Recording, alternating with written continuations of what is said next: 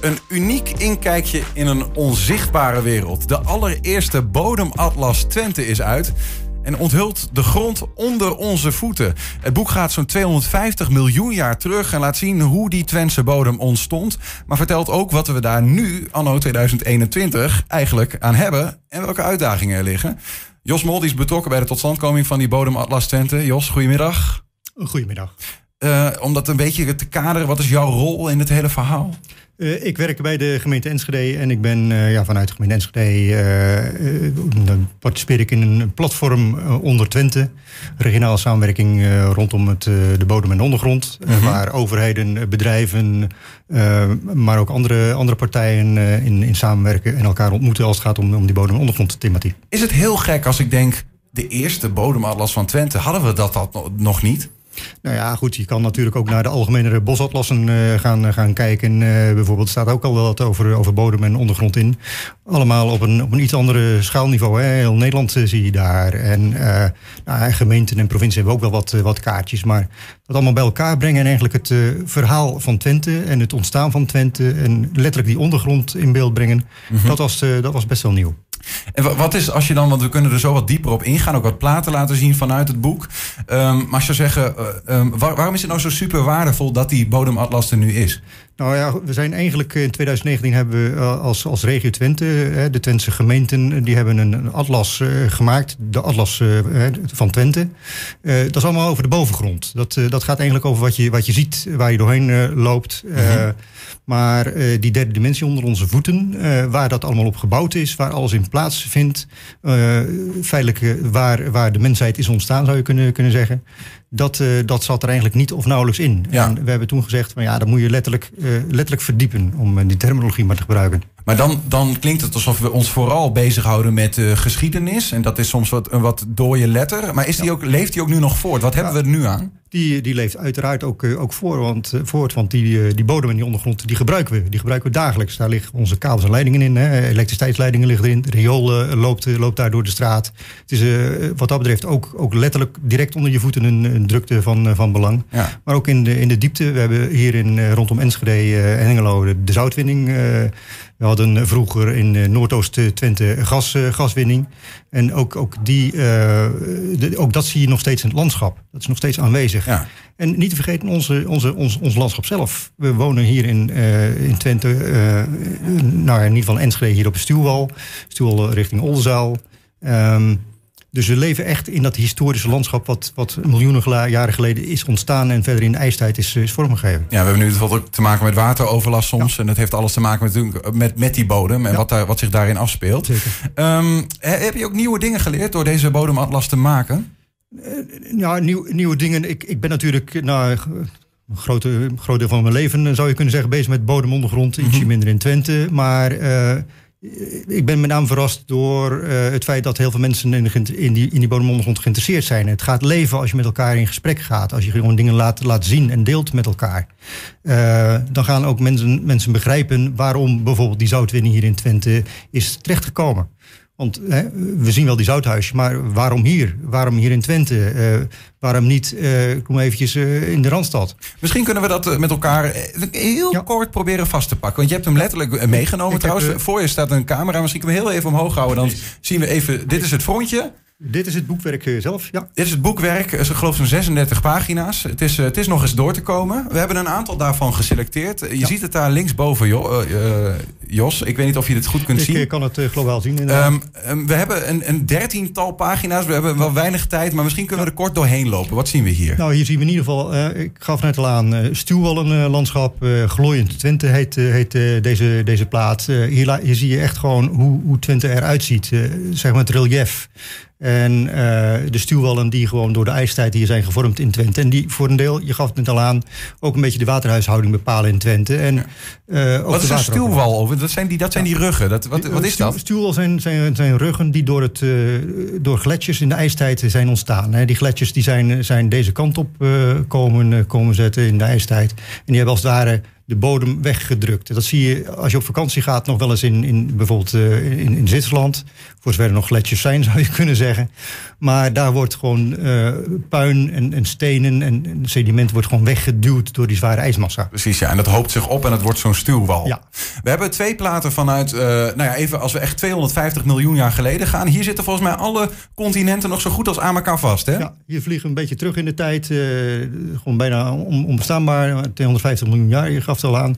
Toen, uh, ja, toen, toen had je gewoon die platen die aan elkaar vast zaten. En die zijn uiteindelijk heel langzaam uit elkaar gegaan. En dat heeft op een aantal plaatsen, ook in Europa, door de hele wereld, uh, geleid tot gebergtevorming. Daar heb je, hè, later zijn de Alpen daardoor ontstaan, uh, Pyreneeën. Dat is allemaal door die bewegende aardplaten uh, gebeurd. Als we ze dan uit elkaar trekken, dan hebben we de volgende plaat. Ja.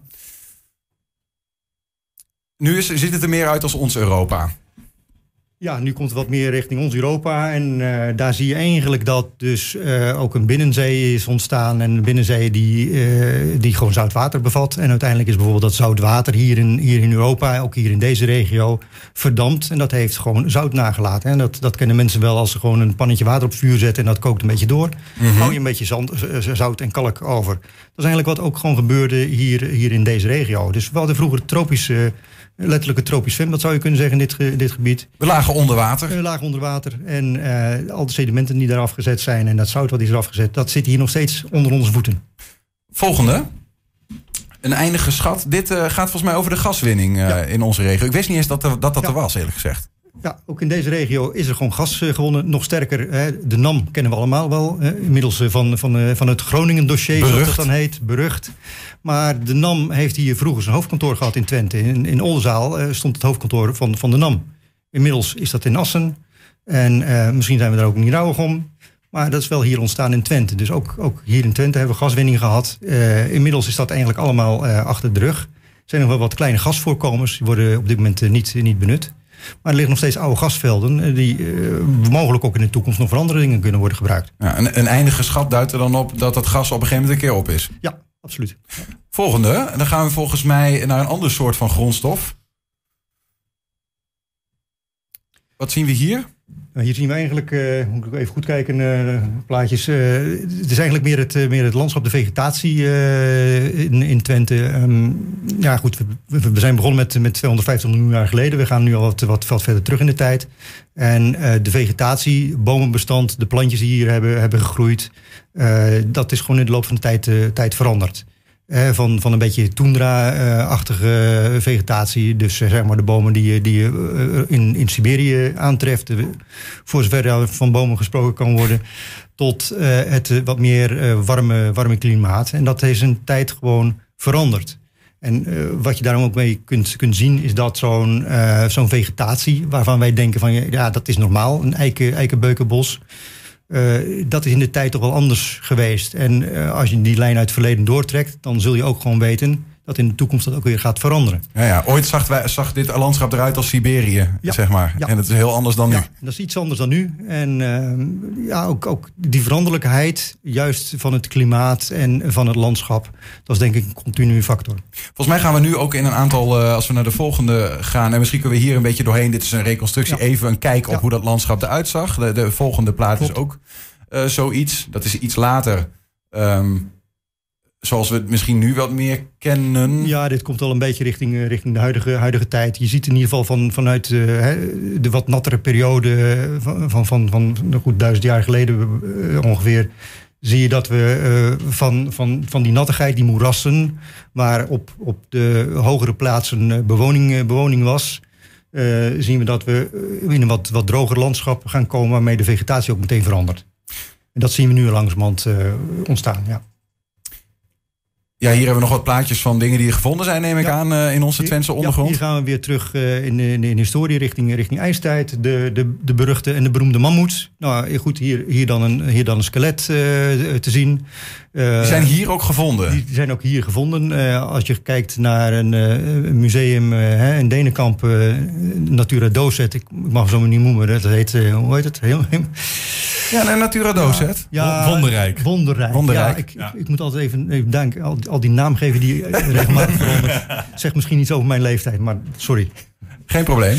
Ehm, die, zijn daar, die zijn daar, worden daar trouwens nu ook opgesteld, hè? Van die dingen die hier. Eh, dus dat is best wel actueel op dit moment. We gaan door. Even.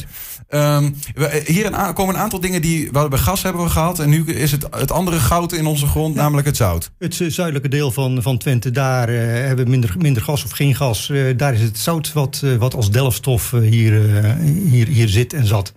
En dat wordt eigenlijk nu al ruim 100 jaar door uh, voorheen AXO, AXO Nobel, inmiddels heet dat uh, Nobian, is dat uh, gewonnen. Ja, overigens, de, zout snappen we een beetje van hoe dat dan hier naartoe is gekomen. We zagen net die zee. Ja. dat gas eigenlijk, hoe komt dat dan in de grond? Ja, op een vergelijkbare manier. Dat is eigenlijk ontstaan nog, wat, nog wat daarvoor, zo'n beetje, toen, toen wij die tropische regenwouden hadden hier, tropische wouden. En uh, daar is een hele grote hoeveelheid uh, organisch materiaal eigenlijk in, in de bodem terechtgekomen. Mm -hmm. Dat organisch materiaal is, is gaan, is gaan uh, rotten, zeg maar eventjes in mijn terminologie. En dat heeft uiteindelijk gas gevormd. Onder de, diep onder de grond. Ja, en dat, dat, dat heeft gas gevormd en dat, dat is wat we oppompen. We hebben nog een plaatje van waar we het gas, of wat we terugzien in ons huidige landschap van het zout. Hè, de producten, ja. de zouthuisjes. Uh, dat is ook allemaal in de bodematlas te zien. Um, misschien moeten we er nog even één doen. Ik geloof dat gaat over water. Um, wat, wat kunt u nog over vertellen?